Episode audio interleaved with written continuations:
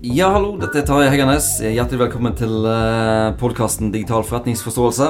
For en uh, tid å være i live. Uh, masse spennende ting som skjer. I dag har jeg en gjest som heter Mats Normo Arnestad. Som er førsteamanuensis på BI her i Bergen. Og vi skal snakke litt om kunstig intelligens og hvordan det kan brukes til i ansettelsesprosessen og til å ta beslutninger i forhold til å ansette folk i en virksomhet. Jeg vil gjerne at du bare forteller litt om deg sjøl først, eh, Mats. Så um, jo, hjertelig. Hjertelig. La meg først uh, si uh, tusen hjertelig takk for at jeg fikk komme. Vær så god. Um, jeg er utdanna psykolog fra uh, Universitetet i Bergen. profesjonsstudie i psykologi. derfra så dro jeg på direkten videre til NHH. En annen handelshøyskole som ligger her i bergensområdet. Yep. Litt ut forbi byen. Eh, der tok jeg doktorgrad. Eh, og så, når jeg var ferdig der, så var jeg så heldig å få jobb som eh, førsteamanuensis eh, her på BI Bergen. Mm. Og jeg er opptatt av og interessert i nesten alt som kan falle inn under den brede parolen eh, beslutninger. Og da er jeg opptatt av beslutninger i, i det sosiale liv, så sosialpsykologi, men også da spesielt opptatt av beslutningstaking i organisasjoner. Mm. Ja. Det har, det har jeg merka i sosiale sammenhenger at du spør og graver veldig mye og lurer på hvorfor vi tenker det, og hvorfor vi tenker det. Så det, dette følger deg hele tiden. Ja. Yes, Men eh, la oss eh, snakke litt om uh, disse her beslutningene i forhold til ansettelser. Hva er det som er så viktig med dem? Ja, det, Ansettelsesbeslutninger er kjempefascinerende beslutninger. For det første fordi de har jo så kolossale konsekvenser. Eh, altså, en feilansettelse er ekstremt kostbart på alle mulige måter du kan måle, enten økonomiske eller, eller, psykososiale, for en organisasjon. Så det er ingenting som er så krise som en dårlig ansettelse. Mens en treffsikker ansettelse, eller en god ansettelse, er jo helt fantastisk lønnsomt på alle måter du kan definere det.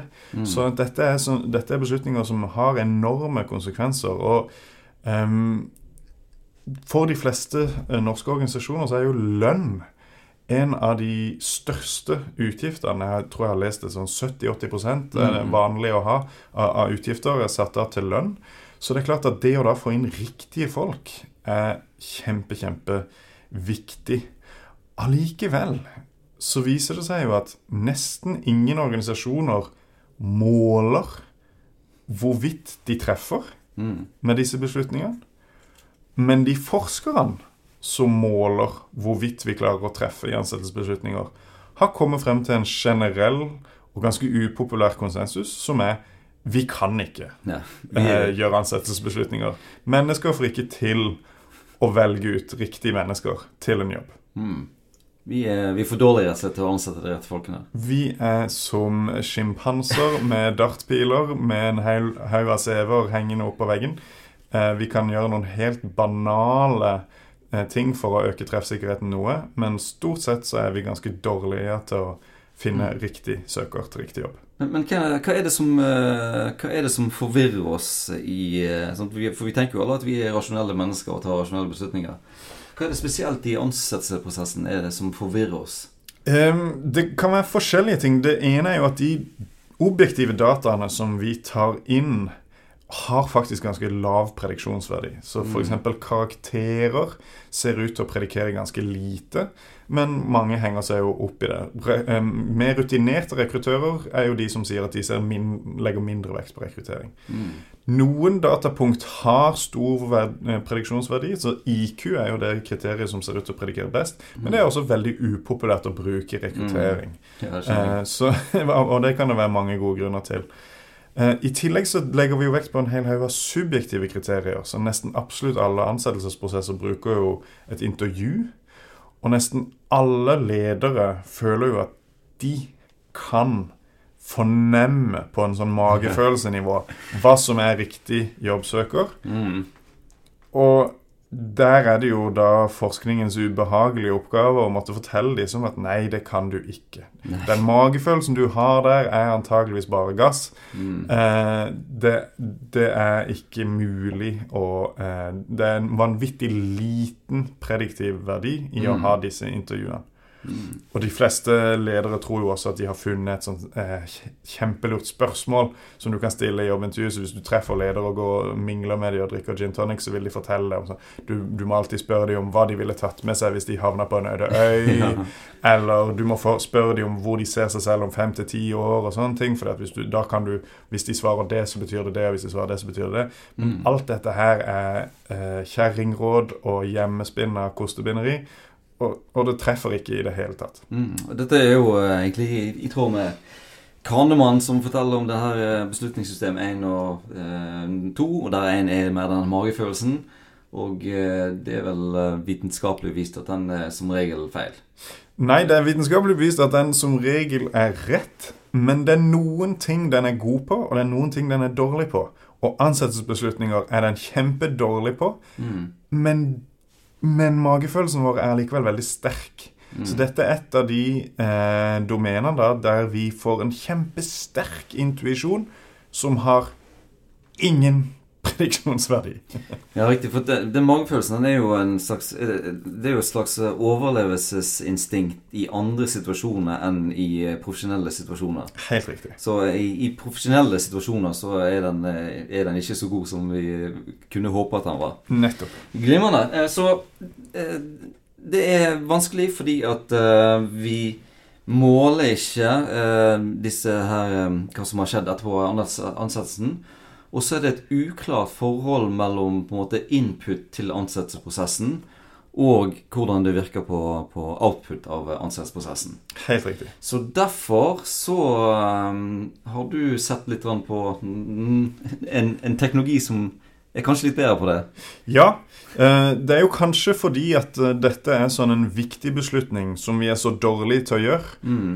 at eh, man kan forvente, og man burde kunne forvente, at det vil poppe opp innovative ideer til hvordan vi kan forbedre det. Og det, og det fins. Mm. Eh, og dette da eh, faller vel under den brede parolen kunstig intelligens. Altså mm. dette er eh, dataprogram som fungerer som dynamiske lærende algoritmer, der en maskin blir mata inn med all den tilgjengelige data man har om ulike jobbsøkere. Og så, hvis det er første runde maskinen går, så vil den jo streve veldig med å kunne si noe om hvilken av disse jobbsøkerne som vil, kunne, eh, som vil være bedre enn de andre, fordi den har ingen erfaringer ennå. Mm. Men den vil da få beskjed om hvem som fikk jobben, og så vil den mates videre med prestasjonsdata fra livet til denne nyansatte om hvordan det går med vedkommende i organisasjonen. Og Det kan være alle mulige former for data. Det kan være eh, tallmateriale fra sånne såkalte 360-graders evalueringer, der en underordna, sideordna og overordna gir deg tilbakemelding på en haug av kriterier. Mm. Det kan være salgstall, hvis det er en, en, dimensjon. Det kan være økonomiske prestasjonsindikatorer, hvis det er eh, meningsfullt å, å, mate dette inn. Mm. Det kan være slutting, eh, altså hvor lenge fartstida det går med vedkommende. Det kan mm. være forfremmelser.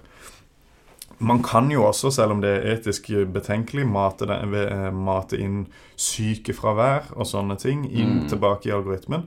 Slik at denne algoritmen etter hvert da vil lære å gjenkjenne mønsteret uh, om hvilke søkere som ser ut til å uh, ha hvilke um, erfaringer i ulike yrker. Mm. Og jo mer erfaringer denne algoritmen danner seg, jo mer treffsikker vil den kunne bli. Mm. Eh, la meg eh, eh, Nå har jeg satt meg litt inn i det konseptet med maskinlæring og sånt på litt sånn teknologisk nivå. Så la meg prøve å oppsummere litt av de tingene der. Så den ene tingen som folk Som er liksom det store bruksområdet for kunstig intelligens i forretningslivet, og spesielt maskinlæring, da, det er jo den her prediksjonen Sant? Og det er jo egentlig det du snakker om. Sant? Basert på disse inputene her, så skal da disse modellene predikere et, et output. Sant? Og første gangen eh, du, du, ansatte, så nevnte du at vi har eh, CV, søknad, kanskje nok fra sosiale medier. Og så putter du det inn i det her i et eh, dataprogram, som egentlig all maskinlæring er. Og så kommer den ut med en, en sånn prediksjon om hvor bra skal denne personen passe i den jobben. Jo, vi, vi la, la maskinen regne ut det er 60 sjanse for at denne maskinen gjør- det bra i, i den jobben. Og når vi snakker om maskinlæring, så har vi da eh, det her med veileder og ikke veilederlæring. Der den veilederlæringen er at eh, du putter inn 1000 bilder av eh, katter og hunder og esel, og så og tagger du de. Og så er tanken at når det kommer et nytt bilde, så skal den her ha lært hva som er forskjellen på trekk hos esel, hunder og, eh, og, og katter. Men det som du snakker litt om her, det er jo det som vi kaller for ikke-veilederlæring. Ja. Så da prøver jo den å, å leite etter mønster. Så en ikke-veileder eh, eh, algoritme ville funnet ut at her har vi 1000 bilder av tre forskjellige ting. Den aner ikke hva det er for noe, men den har på en måte funnet de trekkene som er felles. De mønstrene. Ja, de mønstrene. Og det er det, også- det, er det, også- det, er det også, eh, du, du snakker om her, at vi prøver å finne noen mønster. Sånn som vi snakket om i sant? Det er et eller annet som kan predikere om dette blir en god ansettelse eller, eller ikke. Nettopp. Og når vi går, da går videre, så eh, Innenfor eh, maskinlæring så kaller vi for forsterkende læring. Da betyr det at okay, hvis vi ser at eh, de, dette momentet her, f.eks. postnummeret, eller eh, en kombinasjon av postnummer og alder eller et annet eh, Hvis, hvis den, den prediksjonen slår til, så får akkurat den modellen av eh, den eh, programmet Den får en høyere vekt. Sånn at neste gang så, så teller det høyere inn når du gjør denne eh, prediksjonen. da. Nettopp. Så ja, litt sånn, litt sånn teknisk nedpå der, men det, det er liksom viktig å huske at det er det, eh, eh, all, eh, all avansert teknologi framstår jo som magi Ja. for oss. Men det er et dataprogram her som tar noen statistiske beregninger og kommer fram med en sånn sannsynlighets, eh, eh, sannsynlighet for et utfall. Og så blir den her da eh, justert med om han har gitt en god prediksjon eller en, en dårlig prediksjon. Helt riktig. Og jeg Ja. synes jeg, og det å referere til Altså at det, det den maskinen da ender opp med å legge til grunn for sine anbefalinger, vil kunne bli veldig utilgjengelig for oss mennesker. Mm. Også kanskje fremstå som eh, implausibelt eller magisk, om du vil. For det, det kan Mm. jo godt vise seg, for alt vi vet Altså Mennesker klarer å underholde i, i et øyeblikk simultant kanskje seks-syv variabler. sant? Mm. Mens en algoritme som dette vil jo kunne compute tusenvis av, av intervaller som da gir en sånn optimal treffpunkt. Så kanskje det viser seg at den beste revisoren, den beste kandidaten til revisoren, at der spiller kanskje høyde i Mm. kombinasjon med hvorvidt vedkommende mestrer et musikkinstrument, men ikke et korpsinstrument, eller sant? en hel haug av sånne um,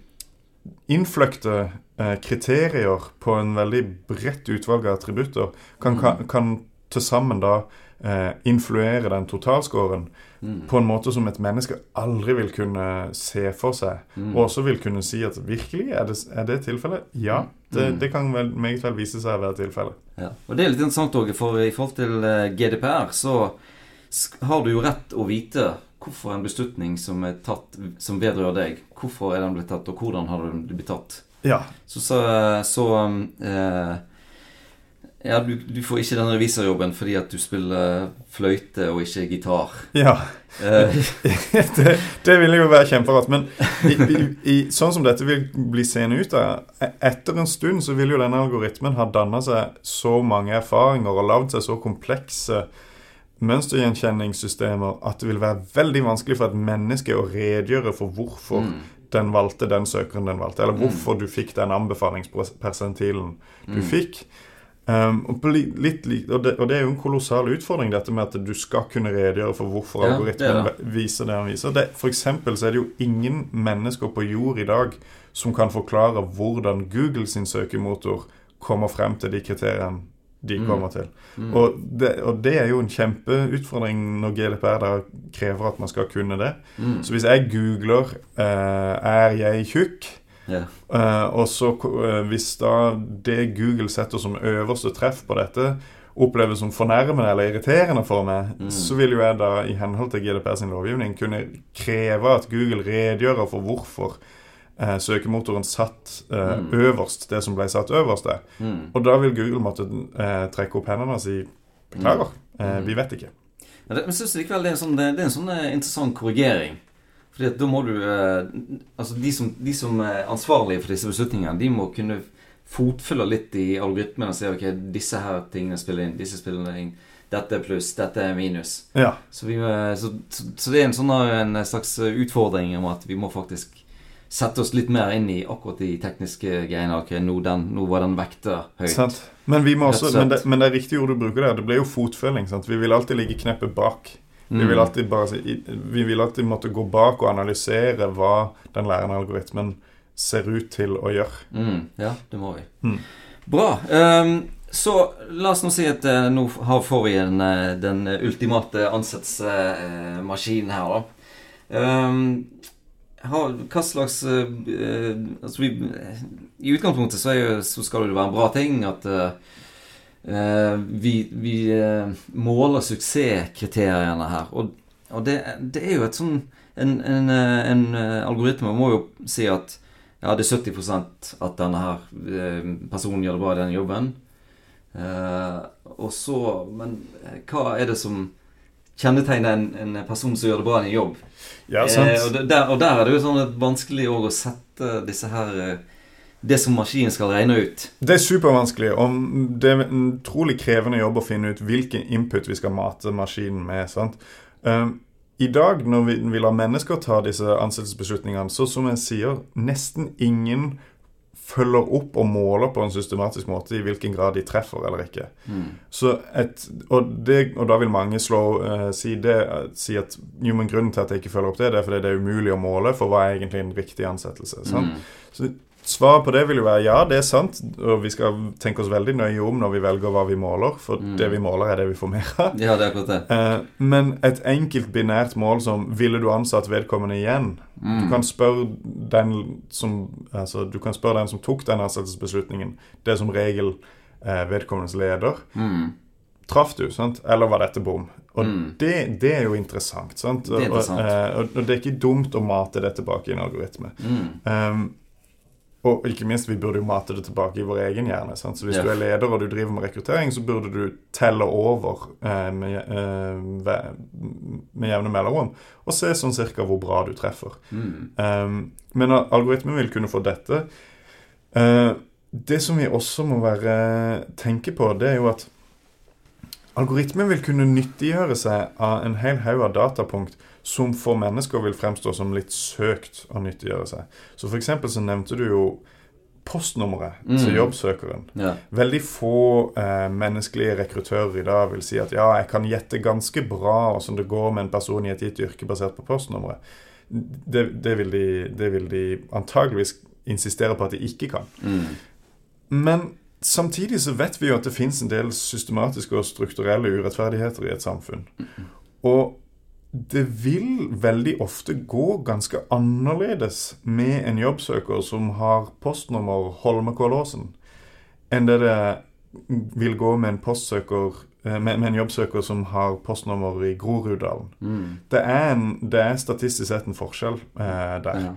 Og denne algoritmen vil jo da ikke kunne unngå å legge merke til denne forskjellen. Mm. Og den har jo da fått en eksplisitt instruksjon om å ja. nyttiggjør seg eh, den typen signaler i, eh, måt, i, i prosessen det er å utforme eh, seg selv. Sånn at etter hvert så vil jo den da utvise en, en forutinntatthet der den er mer positiv til mennesker som ser ut til å ha høyere sosioøkonomisk status Mm. enn mennesker som har lavere sosioøkonomisk status. Og postnummer er et veldig greit kriterium Mm. å ta utgangspunkt i hvis du skal gjette noen sosioøkonomiske status.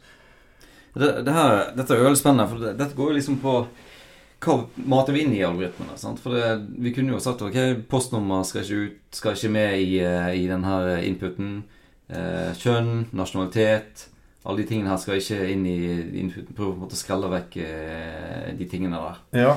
For, og, og det som du kommer eh, Det som du kommer litt inn på her, jo, det er jo at eh, eh, Egentlig fordommer, egentlig både statistiske ulikheter og eh, fordommer? For det er jo mennesker sitter jo og tar det siste ordet i disse her, eh, de her eh, prosessene likevel. Sant? Det er jo mennesker som gjør de her evalueringene i ettertid om dette var bra eller ikke. Eh, og da ender vi jo fort opp med at eh, fordommene våre havner inn i eh, den her eh, algoritmene, i den modellen som predikerer om det er en bra ansettelse eller ikke. Det er helt riktig. Ja. Eh, hva, hva, hva, hva slags resultater får det, og hva kan, vi, hva, kan vi gjøre med, kan vi gjøre med det, egentlig? Ja, nei, det, det er jo eh, Det er jo et kjempesentralt spørsmål her. Så i begynnelsen, når man begynte å, å liksom jobbe med eh, å la kunstig intelligens ta ansettelsesbeslutninger, så var jo tanken den at dette kommer til å bli helt strålende, for vi vet jo at menneskelige beslutningstakere er fulle av bevisste og ubevisste fordommer, og de influerer beslutningstakingen vår og bedømmingene våre på en måte som er uhensiktsmessig, og som vi helst ikke vil. Så mye bedre å la en datamaskin som er helt objektiv, ta disse beslutningene. Mm. Men som du sier, hvis vi mater inn eh, data til denne algoritmen basert på, som sier noe om hvordan det gikk med ulike mennesker i ulike jobber, så vil, den et, så vil jo den maskinen etter hvert reflektere de eh, fordommene som ligger i den organisasjonen fra før. Mm. Men de vil kanskje få et slør av objektivitet over Ja, seg. Og, og, og, og, bli litt sånn um, um, ansiktsløst, på en måte. Sant? At jo, men hvorfor eh, sier denne roboten hele tida at vi skal kun ansette hvite heterofile menn? Mm. Vet ikke, den bare gjør det. sant? Mm. Eh, Et eksempel på dette fikk man jo i, i USA, der de brukte en dynamisk lærende algoritme til å ta eh, beslutninger om prøveløslatelse i fengselsvesenet. Mm. Der eh, denne algoritmen i utgangspunktet var relativt naiv eh, om hvem som skulle prøveløslatelse eller ikke. Den hadde fått noen enkle kriterier å ta utgangspunkt i. Men også beskjed om å Den fikk også mata inn da kunnskap om hvordan det gikk med de den prøveløslatte. Altså Særlig da det man er interessert i da, det er om de eh, gjør noe nytt kriminelt mens de Ja. er prøveløslatt. Og Stort sett så vil vi jo alle være enige om at hvis du prøveløslater en person, og de gjør noe kriminelt mens de er prøveløslatt, så var det en dårlig beslutning å gi Ja, ja, men etter hvert da, så viser det seg at denne algoritmen da eh, begynner å bare prøveløslate nesten alle hvite. Mm. Ikke prøveløslate noen svarte. Mm. Og være sånn 50-50 på latino-hispanic-populasjonen. og kritikere da eh, sa jo at ja, dere har mata denne algoritmen med eh, kunnskap om eh, hudfargen og etnisiteten til søkerne, og det var uetisk, og det skulle dere ikke gjort. Mm. Men responsen har vært å si at nei, den får faktisk ikke vite hudfargen. Mm. Det er ikke et datapunkt i algoritmen, hudfargen til eh, fangen. Mm. Men den vet f.eks. siste registrerte adresse på fangen. Og fordi den vet siste registrerte adressen på, på fangen, og fordi det amerikanske samfunnet er såpass eh, etnisk segregert som det er, Mm. så blir jo det en proxy for hudfarge, Mm. eh, de facto. Ja, det gjør det. Ja. Så eh, det som er viktig å, å være litt obs på, både ansettelser og andre ting, det er jo at eh, eh, disse her eh, maskinlæringen og de algoritmene, de holder jo opp et speil til oss av oss sjøl, som vi av og til ikke liker. Det er helt riktig. Men, uh, men det kan en, eh, det kan jo være en mulighet òg på å forandre på, på det der eh, speilbildet òg. Uh, hvis vi er obs på de tingene her, så kan vi kanskje gå inn og, og, korrigere, sånn som jeg sa i stad. Du kan endre vekten på ulike ting for å få- fram et, et annet resultat. da. Um, en, en ting som vi snakket litt om før vi, før vi begynte å ta opp, var jo det her at her ligger det en mulighet for de som lager disse algoritmene, hvis de har litt sånn eh, positiv uh, diskriminering. Sånn at det er jo uh, Ja. Det, det, I min egen forskning så har jo jeg sett på hvordan folk forholder seg til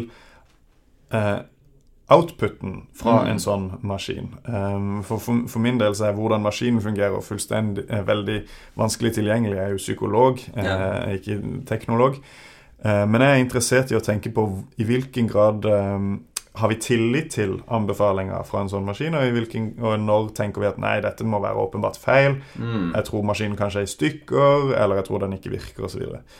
Um, og uh, i et av studiene som jeg da holder på å skrive opp akkurat nå, så har jeg um, så gjorde jeg det som et eksperiment. Så halvparten av alle deltakerne fikk vite at, en, at disse kunstige intelligensene som tar ansettelsesbeslutninger, ser ut til å favorisere kvinner. Som ofte kalles det positiv diskriminering. altså. Men mm, Sammenlignet med det menneskelige rekruttører ville gjort med samme utvalg, så ser det ut til at disse AI-ene eh, favoriserer kvinner. Og for eksempel Eh, og det, Dette er ikke noe jeg har tenkt ut selv. Dette var en overskrift i Dagens Næringsliv for et år siden. At jeg tror det var selskapet Evry som bruker kunstig intelligens i ansettelsesbeslutninger. Eh, Og som da ser at de får flere kvinner som en konsekvens av det. Mm. Og det var de jo kjempehappy med. Ja, sant.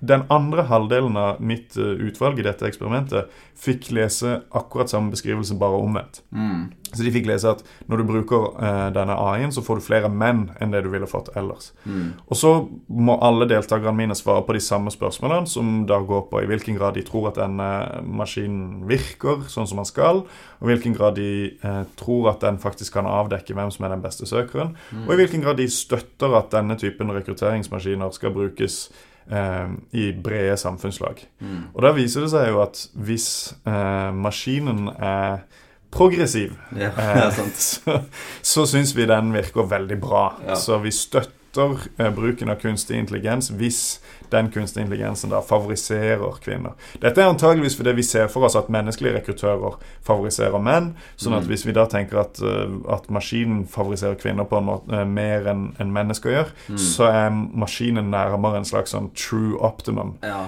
Eh, mens, eh, mens hvis den er enda mer mannsfavoriserende enn det mennesker er, ja, så må den nødvendigvis være forferdelig på et eller annet vis. Mm. Så her ligger det jo en, en anbefaling i denne konklusjonen min til disse som utvikler denne typen systemer. Det er jo at hvis du programmerer inn progressive verdier i algoritmen din, Mm. så vil den treffe markedet bedre enn hvis Mm. du ber den om å være rent objektiv. Mm.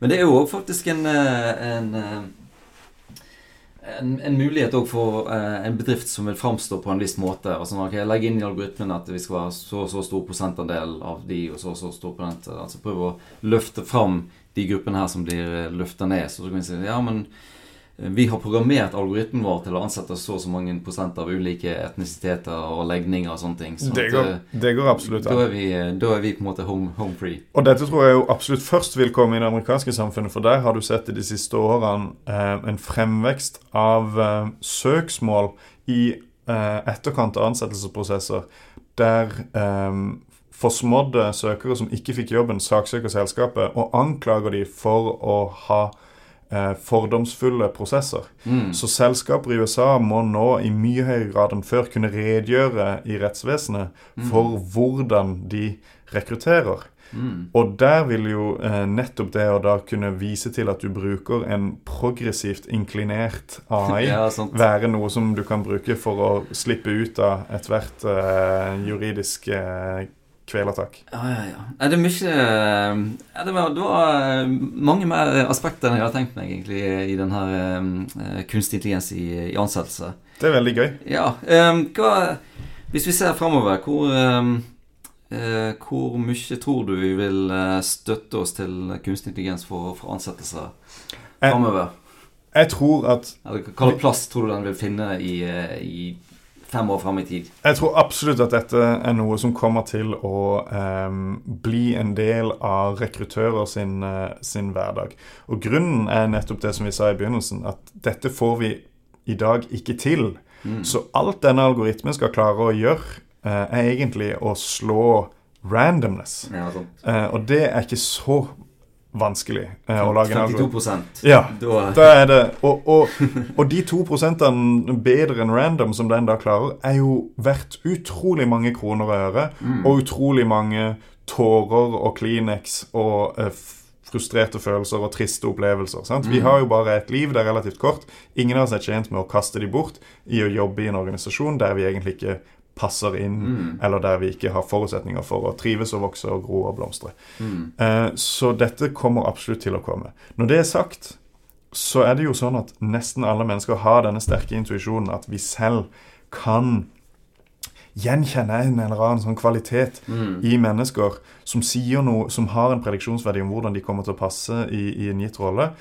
Og fordi vi har denne følelsen så sterkt, så tror jeg vi ikke kommer til å se noen organisasjoner som lar en algoritme ta ansettelsesbeslutninger helt alene og unilateralt. Det vil alltid bare være sånne anbefalingssystemer. Mm. Altså at man kommer med en eller annen sånn prosentmessig sannsynlighetsestimat, og så vil et menneske til slutt da eh, måtte eh, ta denne eh, persentilen inn i sin vurdering, men den vil allikevel, vi vil allikevel ende opp med beslutninger som er dels informert av denne høyst misvisende magefølelsen, og dels informert av, av den potensielt rasistiske og kjønnsdiskriminerende A-en. Ja. Eh, så eh, en annen ting som er veldig viktig, og som kommer til å blande seg inn her, det er det at det er veldig viktig når man driver med ansettelser og ansettelsesprosesser, hvordan man fremstår overfor de ulike søkerne. For en av de søkerne, eller flere av de søkerne, ender du jo opp med å ansette. Mm. Og de vil ta sin, denne opplevelsen med hvordan det var å gå gjennom søknadsprosessen, som en indikasjon på hvilke verdier denne organisasjonen står for. Så det vil danne førsteinntrykket eh, av organisasjonen. Og alle vet at et godt førsteinntrykk er veldig, veldig viktig. Og det, det gjelder jo når vi treffer mennesker, men det gjelder selvfølgelig også når vi treffer organisasjoner. Mm. Og hvis du kommer inn med et dårlig førsteinntrykk, så er det veldig mye som skal til for at du vil utvikle en form for organisasjonstilhørighet, indre motivasjon, ekstra rolleatferd, blø for drakta, alle disse tingene som vi trenger av, Mm. av moderne ansatte.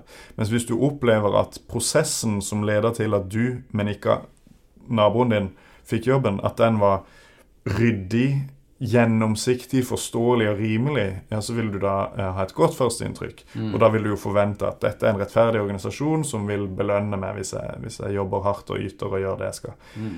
Um, og her ligger det jo også da begrensninger egentlig for hva slags eh, systemer vi kan lage. Vi kan da havne i en situasjon der vi kan lage systemer som er litt mer treffsikre, men, langt, men fremstår som langt mer urettferdig for søkeren. Mm. Og i så fall så må vi vekte da verdien av å fremstå som fair kontra verdien av å ha rett. Mm. Dette var jo superinteressant, eh, Mats. Um, Jeg tror vi må gi oss her. Eh, tusen hjertelig takk for at du kom. Kjempegøy å få være her. All right. Og takk til de som lytter på.